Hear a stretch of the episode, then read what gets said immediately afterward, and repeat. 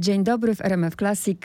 Goszczę księdza Grzegorza Strzelczyka. Szczęść Boże. Szczęść Boże, kłaniam się nisko. Spotykamy się w związku z książką Ćwiczenia ze Szczęścia. Oficjalna premiera 12 sierpnia. Książka ukazała się nakładem wydawnictwa Znak. I teraz pozwoli ksiądz, że słuchaczom trochę przybliżę. Kilka słów o księdzu. Jest ksiądz tak, prezbiterem w y, archidiecezji katowickiej, teologiem, adiunktem Katedry Teologii Dogmatycznej i Duchowości Wydziału Teologicznego Uniwersytetu Śląskiego w Katowicach, proboszczem parafii świętego Maksymiliana Kolbego w Tychach i autorem wielu książek, nie będę wymieniać tytułów.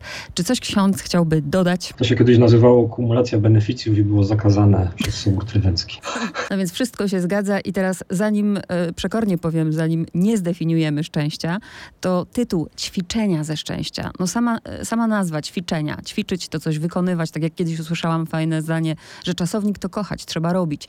Ćwiczyć trzeba działać. Więc krótko mówiąc, y, można sobie wyćwiczyć szczęście? E, Ja myślę, że można wyćwiczyć rzeczy, które prowadzą do szczęścia. Czy samo szczęście, nie wiem, bo to jakbym miał takie ćwiczenie, to bym zaraz sprzedał. Natomiast e, jeżeli jesteśmy w stanie jakoś uchwycić, czym szczęście jest, to, to pewnie coś się na nie składa, a jak coś się na nie składa, to po rozłożeniu na czynniki możemy poszczególne czynniki i tak dalej, i tak dalej. Tak Ja, ja, jestem, ja mam analityczny umysł, ja muszę rozłożyć na części. No to teraz właśnie powiedziałam, zanim nie zdefiniujemy, bo ksiądz nie decyduje się na definicję szczęścia w książce. No nie, nie, jestem samobójcą jeszcze, więc myślę, że w ogóle nie da się definicji wyczerpującej i zadowalającej stworzyć e, czegoś takiego. Jesteśmy chyba trochę na etapie e, nieustannego poszukiwania e, zarówno, zarówno szczęścia, jak i jego zrozumienia. Natomiast myślę, że da się pewne czynniki prowadzące do szczęścia i utrudniające życie mm, i, i drogę do niego wskazać. To jest chyba bardziej kluczowe.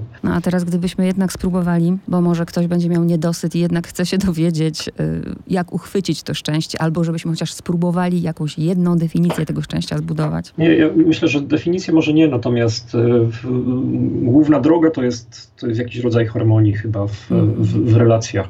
I, I to jest chyba mo, moja główna intuicja w ogóle, czyli w relacji poczynając od dołu, od, do rzeczy, do świata, potem do, do siebie samego, do ludzi i do Boga. Jeżeli w tych czterech płaszczyznach e, znajdujemy harmonię, to myślę, że to, to jest bliskie szczęścia. Rozłóżmy to na te czynniki. Jak harmonijnie poukładać relacje z otoczeniem? Bo często mówimy tak, no byłbym szczęśliwy, gdyby ona zrobiła to, albo on zrobiłby tamto. To już by mi wystarczyło. No ale na tym to nie polega. Znaczy, czasami też na tym, bo, bo nie wiem, jeżeli ktoś jest zakochany i jeżeli ten drugi nie odwzajemnia, no to trudno jest być szczęśliwym na przykład. Więc czasami to też zależy od, od drugiego, bo właśnie jest relacyjne. Natomiast ja myślę sobie, sobie tak, że, że yy, bo książka jest o błogosławieństwach i jakby cała zabawa polega na tym, że objawienie, ja jestem wierzącym chrześcijaninem, było nie było, objawienie, które Jezus przynosi, to jest objawienie tego, jaki e, świat jest w różnych wymiarach relacji. I teraz im, im bardziej się przejmiemy, przejmiemy tym, jak, jak Jezus pokazał Boga, jak pokazał to, co wiemy o człowieku, jak pokazał świat wobec Boga, tym bardziej mamy szansę się odnaleźć w tych relacjach. Czyli Ewangelia staje się pewnym rodzajem punktu odniesienia dla porządkowania relacji. Idąc tym tropem, czyli te błogosławieństwa jakby wyznaczają nam ten cel, ale mówię teraz w kontekście, no my chrześcijanie jesteśmy, prawda, powołani do takiego, a nie innego celu, ale gdyby nas teraz, no są z nami, y, słuchają nas różni ludzie, niekoniecznie wierzący. To jak w tej kategorii rozumieć wtedy? Ja myślę, że wezwanie do szczęścia to jest w ogóle coś, co jest, no, co jest podstawowe. Znaczy, y, chcemy być szczęśliwi i to jest raczej y, w ogóle ludzkie. Jak święty Tomasz dawno temu w XIII wieku próbował, próbował wskazać cel człowieka w ogóle, to, to bez wahania wskazywał na szczęście jako cel człowieka, jak, jako takiego. W związku z tym mm, jest pewna przestrzeń do dialogu w tym punkcie właśnie. Je- Jeżeli szukamy, szukamy szczęścia, to możemy porozmawiać e, o tym, co do niego prowadzi albo co mu przeszkadza. I wewnątrz tego, tej rozmowy chrześcijanie opowiadają e, swoją opowieść. A dlaczego jest tak, że warunkujemy szczęście? Na przykład mówimy właśnie, będę szczęśliwy, jeżeli będę miał 100 tysięcy dolarów na koncie. Będę szczęśliwy, jeśli wreszcie dostanę tę pracę. A później, dosta- no z tymi dolarami to przesadziłam, bo to jest rzadkość, ale dostaje ktoś tę pracę. I, i nagle się okazuje, że to no, nie jest dalej szczęśliwy. Pytanie, jakie trzeba sobie wtedy postawić? Czy w ogóle chce być szczęśliwy? No, to jest pytanie w ogóle, e, dlaczego on potem jest nieszczęśliwy? Dlatego, że e, ta praca nie oka- okazuje się być nie taka, jak myślał, czy też dlatego, że mm, on ma większy apetyt potem. Nie? Powodów może być wiele, to znaczy tych, tego takiego naszego nie, niezaspokojenia. W ogóle jesteśmy rozedrgani i, i, i jakby znalezienie się w jakimś stanie na dłużej jest dla nas kłopotem. Jak mówimy o stanie szczęścia, to mówimy o stanie i tu się chyba zaczynają kłopoty, że, że ustać nie jesteśmy w stanie. Czyli krótko mówiąc, ten stan szczęścia to jest coś, y, co pojawia się i znika. Albo za czym gonimy i, i przez to, że tak bardzo gonimy, to nawet jak się pojawia, to y, jesteśmy w stanie przebiec mimo. No i też często jest tak, że składamy sobie to zamówienie do Pana Boga, na przykład daj mi tę pracę. No i dostajemy tę pracę, tylko właśnie tak jak ksiądz wspomniał, te oczekiwania są inne. Nagle się okazuje, że nie wiem. Najczęściej w ogóle kłopot chyba polega na tym, że zakładamy, że się rzeczywistość wokół nas musi zmienić, żebyśmy byli szczęśliwi. A na rzeczywistość wokół nas y, mamy wpływ średni, a kontrolę prawie żadną.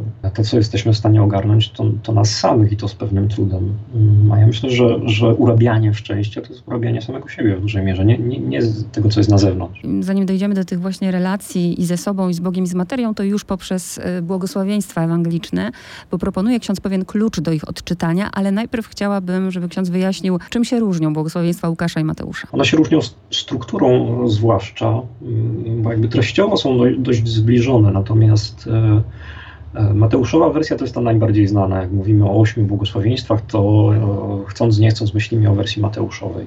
Nawet jeżeli w samej Ewangelii można się doliczyć nawet dziewięciu, jakby się ktoś uparł. E, natomiast wersja Łukaszowa jest, znana zdecydowanie mniej, bo tam tak naprawdę są cztery błogosławieństwa, cztery przekleństwa, cztery biada. Czyli e, układ jest troszkę inny i, i bardziej skoncentrowane jest to wszystko na mm, pewnej sytuacji prawdopodobnie związanej z gminą Łukaszową i te błogosławieństwa są mniej teologiczne, a bardziej odnoszą się właśnie do sytuacji takiej socjalno-społecznej e, tych ludzi, do których Łukasz pisał. Przynajmniej tak komentatorzy e, na to wskazują. A gdybyśmy jeszcze sens tych błogosławieństw, aha, no, no w sumie to już to ksiądz zrobił, umieścili właśnie w kontekście, to, to, to jest właśnie to, że Jezus jakby mówi do, do ludu, prostych znaczy, ludzi. Kłopot jest taki, że, że my nie mamy zapisu tego, co Jezus mówił.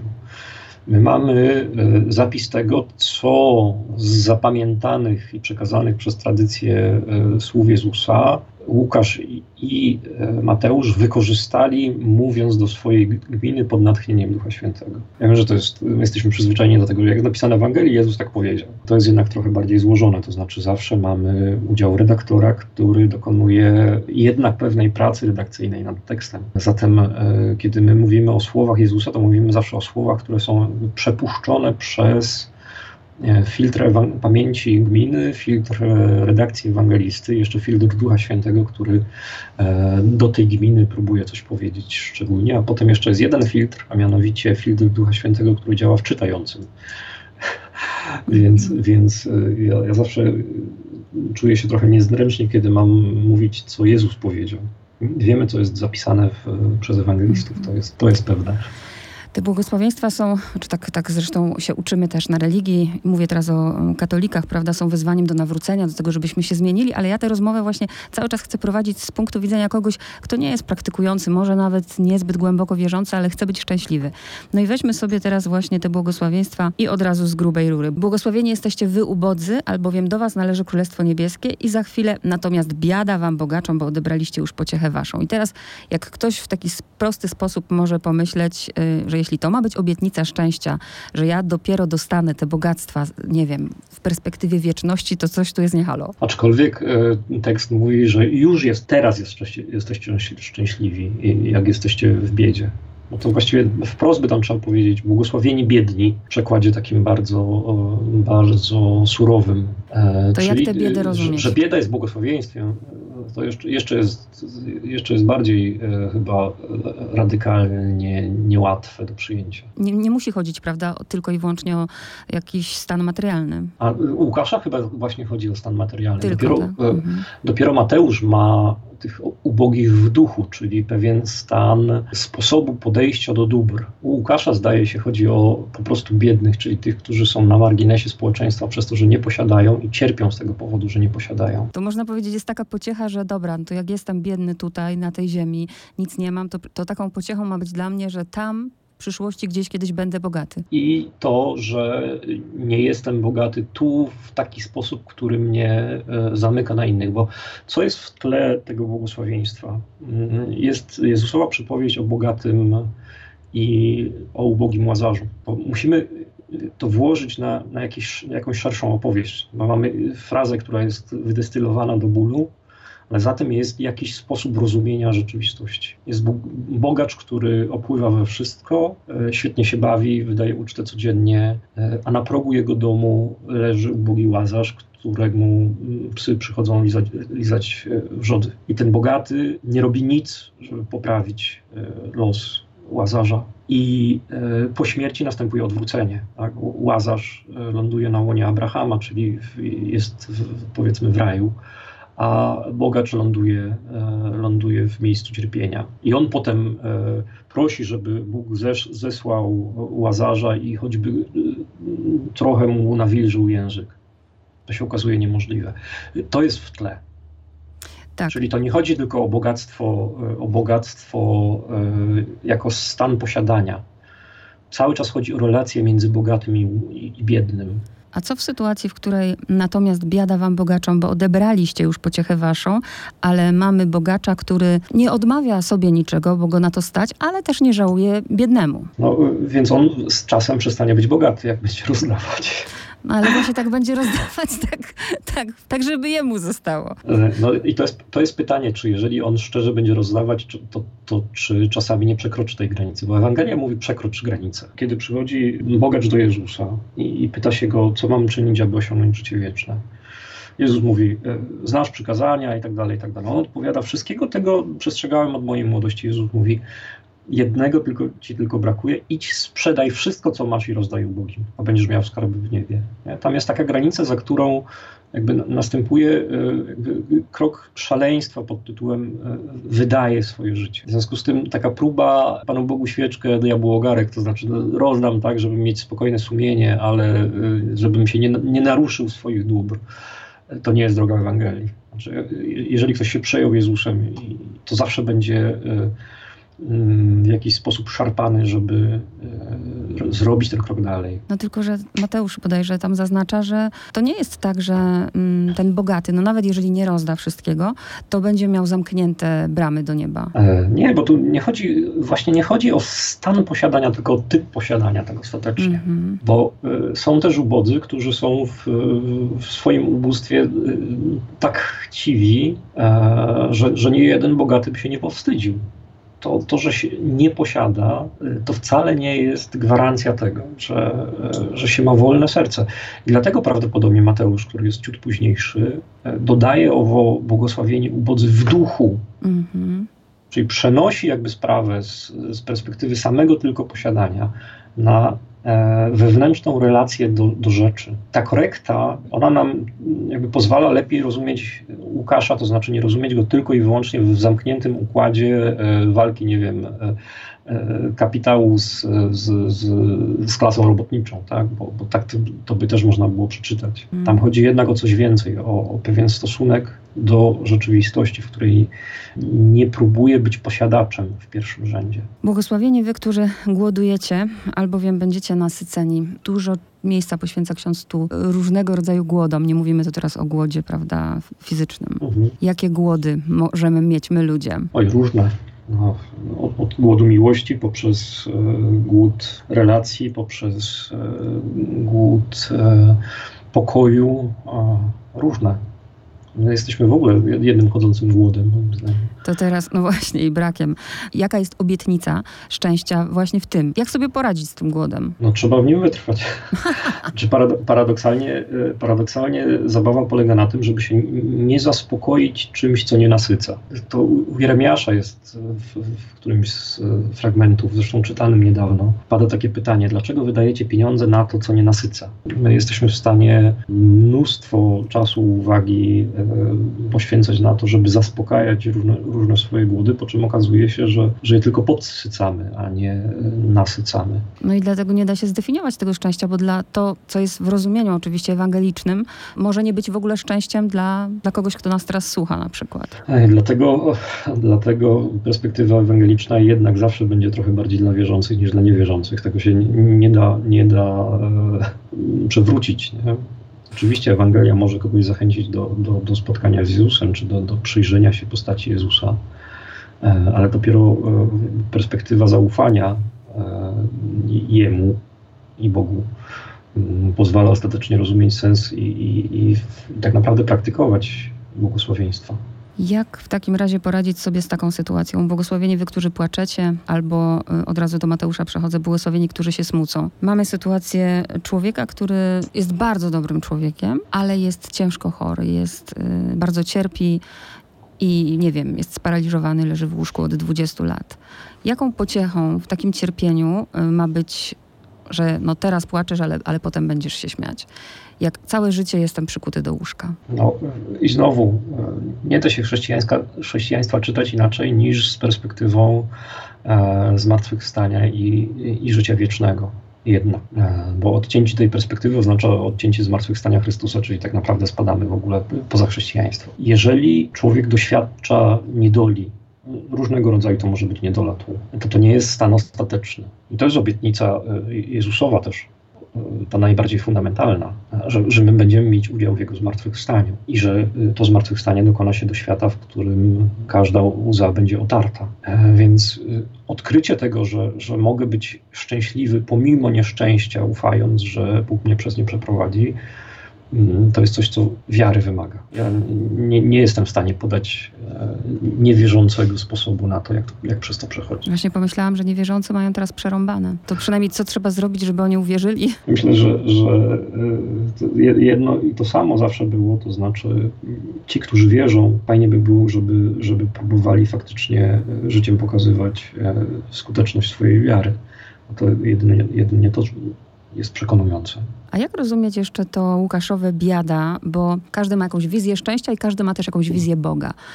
Przyznam szczerze, że bardzo długo miałam taką wizję Boga i uważam, że to jest krzywda. Mówię o swoim doświadczeniu, że ja widziałam rzeczywiście tego Boga w kościele z obrazów groźnego, z palcem, który, prawda, pokazuje na mnie i mówi: Widzę cię, biada ci, jak tylko zgrzeszysz.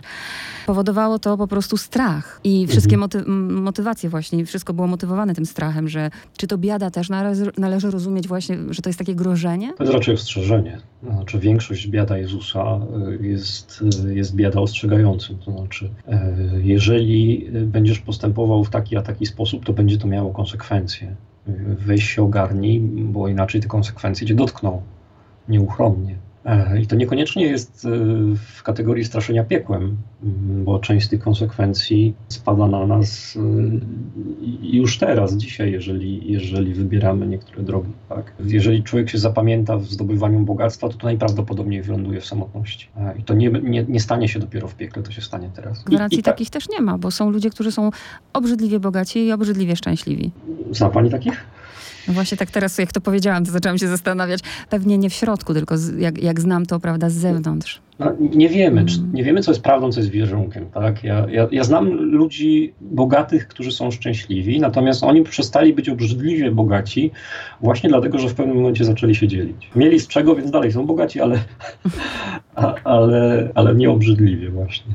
Jak w takim razie układać sobie relacje z, z innymi, to, to jest jedna sprawa ale chyba najtrudniej, i tak mi się wydaje, że o to chyba najmniej dbamy, nawet ludzie wierzący, jak poukładać sobie relacje z Bogiem? Trzeba poświęcić tej relacji czas. To jest nieodzowne.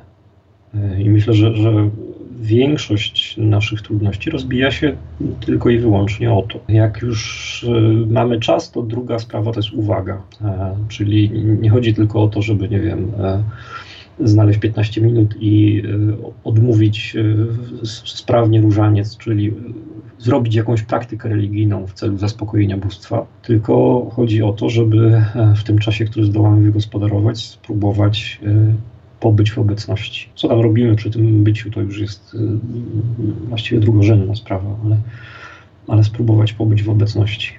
Trzecia rzecz nieodzowna moim zdaniem. To jest próba potem jednak życia Ewangelią, czyli wyborów wedle Ewangelii.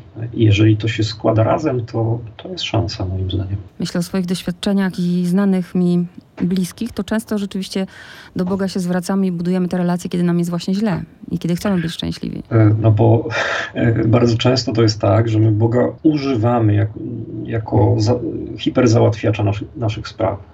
Znaczy nam ciągle chodzi o nasze sprawy. Nie chodzi nam o relacje z Bogiem, chodzi o nasze sprawy. To jest to samo przekleństwo, które się zdarza w relacjach między ludźmi, że, że y, jestem z kimś, podtrzymuję relacje, ale tak naprawdę nie, nie, chodzi mi o tego człowieka, chodzi mi o to, że on jest użyteczny. To się nawet w małżeństwach dzieje czasami, że, że ten drugi jest y, głównie po to, że, że jest użyteczny. Tak? Bez niego by mi się trudniej żyło. Jestem w stanie znosić jakieś tam uciążliwości, bo, bo mi jest wygodniej. To strasznie brzmi, ale ale małżeństwa, które funkcjonują na zasadzie układu dwóch egoizmów, istnieją w przyrodzie, więc e, mm, no, z Bogiem tak jest trudniej, bo On nie jest egoistą, w związku z tym nie wejdzie w taki układ, ale, ale po naszej stronie próby są na porządku dziennym i myślę, że one dotykają w ogóle większość wierzących, że przynajmniej od czasu do czasu wyłazi z nas e, taka zwykła ewolucyjna potrzeba religijna, w której bóstwo służy do załatwienia jakiejś naszej potrzeby. No właśnie, a jeżeli my chcemy być szczęśliwi i chcemy, żeby nam Bóg załatwił tę potrzebę i On nam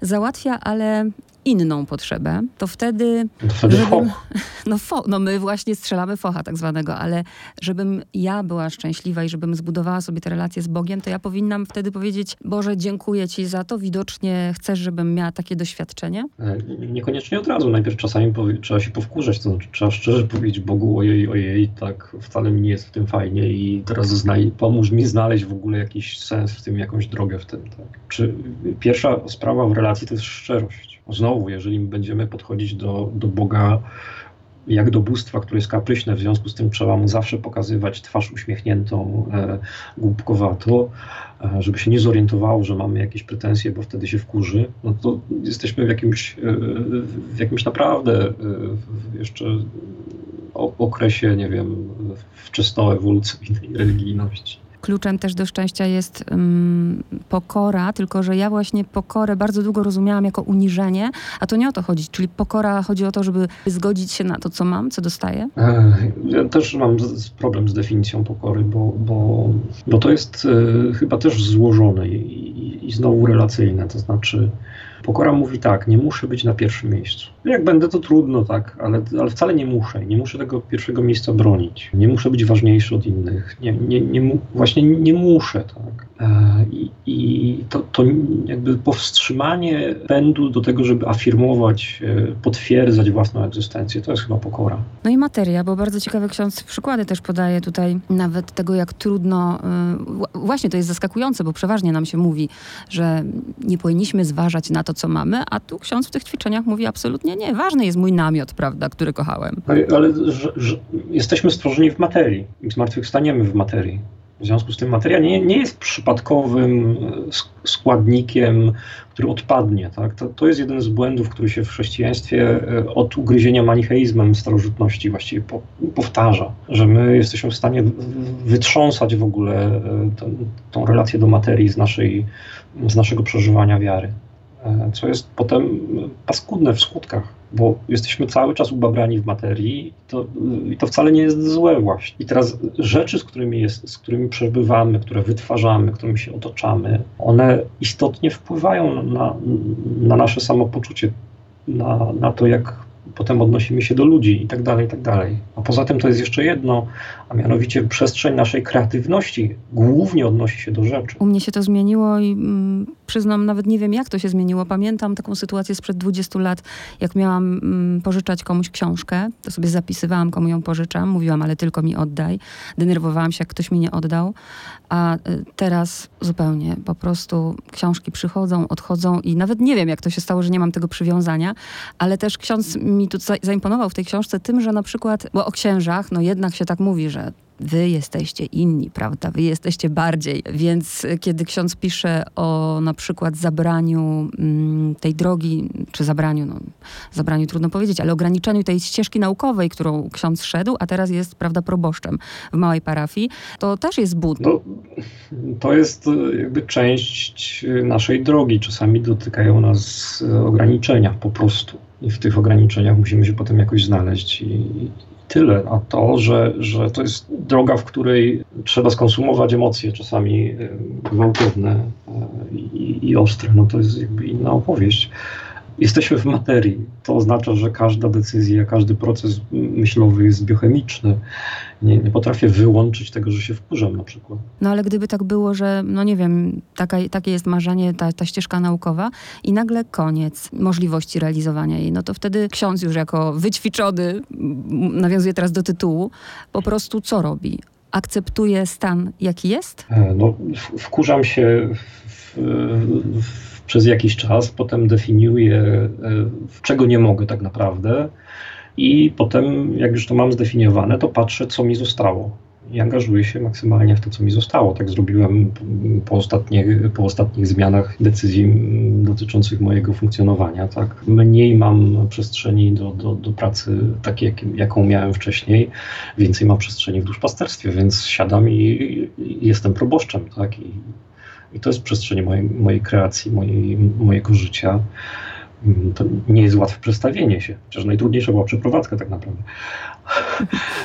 ale, ale y, przeprowadzka mentalna to, była, to było w sumie prostsze nawet. Co z nami ludźmi jest nie tak, jeśli my na przykład no, mamy te błogosławieństwa, które są obietnicą szczęścia, no i właśnie, kiedy, kiedy napotykamy, no, będziecie mm, błogosławieni ubodzy w duchu, albowiem do nich należy królestwo, błogosławieni, którzy się smucą, albowiem oni będą pocieszeni i, i myślimy sobie, no dobra, no fajnie, no wszystko super, ale, ale nie chcemy tamtej perspektywy, chcemy tu już być szczęśliwi. I co wtedy? Być może służy głównie do tego, żeby odłożyć na moment też e, ten taki e, przywalający stan e, muszę teraz określone rzeczy przeżywać w określony sposób. Nieraz właśnie to y, takie powiedzenie sobie, y, musi się coś zmienić, żebym był szczęśliwy, y, sprawia, że, że nie jesteśmy szczęśliwi, bo się nie zmienia. A ja, ja znam też ludzi, którzy, którzy naprawdę w, no, przeżywali cierpienie duże i, i, i, oni w pewnym momencie powiedzieli: OK,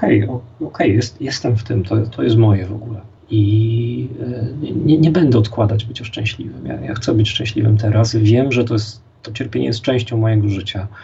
E, muszę być szczęśliwy z tym. Pomimo tego na złość temu. To też jest możliwe, zdaje się.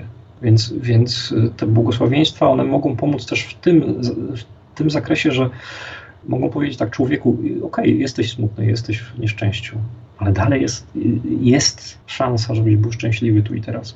Bo jesteś szczęśliwy w pewnym aspekcie, który musisz dopiero odkryć.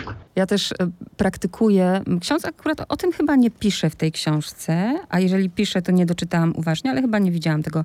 Mianowicie ja też, mm, ktoś mi kiedyś podpowiedział, że żeby czuć się szczęśliwym, to muszę dziękować codziennie, nawet jak nie czuję wdzięczności. Nie, nie, też nie pamiętam, czy to jest w książce. No właśnie wydaje mi się, że nie ma nic o wdzięcznościach, ale jestem ciekawa księdza zdania, nie? Nie no, y, ja wstaję codziennie rano do mszy i zaczynam od tego, że zebraliśmy się, żeby Bogu podziękować, nie? Mhm. Znaczy Eucharystia jest, jest dziękczynieniem, znaczy Kościół jak się zbiera, to dziękuję. Jak gdyby na koniec ktoś czuł niedosyt naszej rozmowy i no dobra, dobra, no ale ja po tej audycji chcę wiedzieć, jak, co ja mam zrobić, żeby być szczęśliwy. Tak krótko i konkretnie.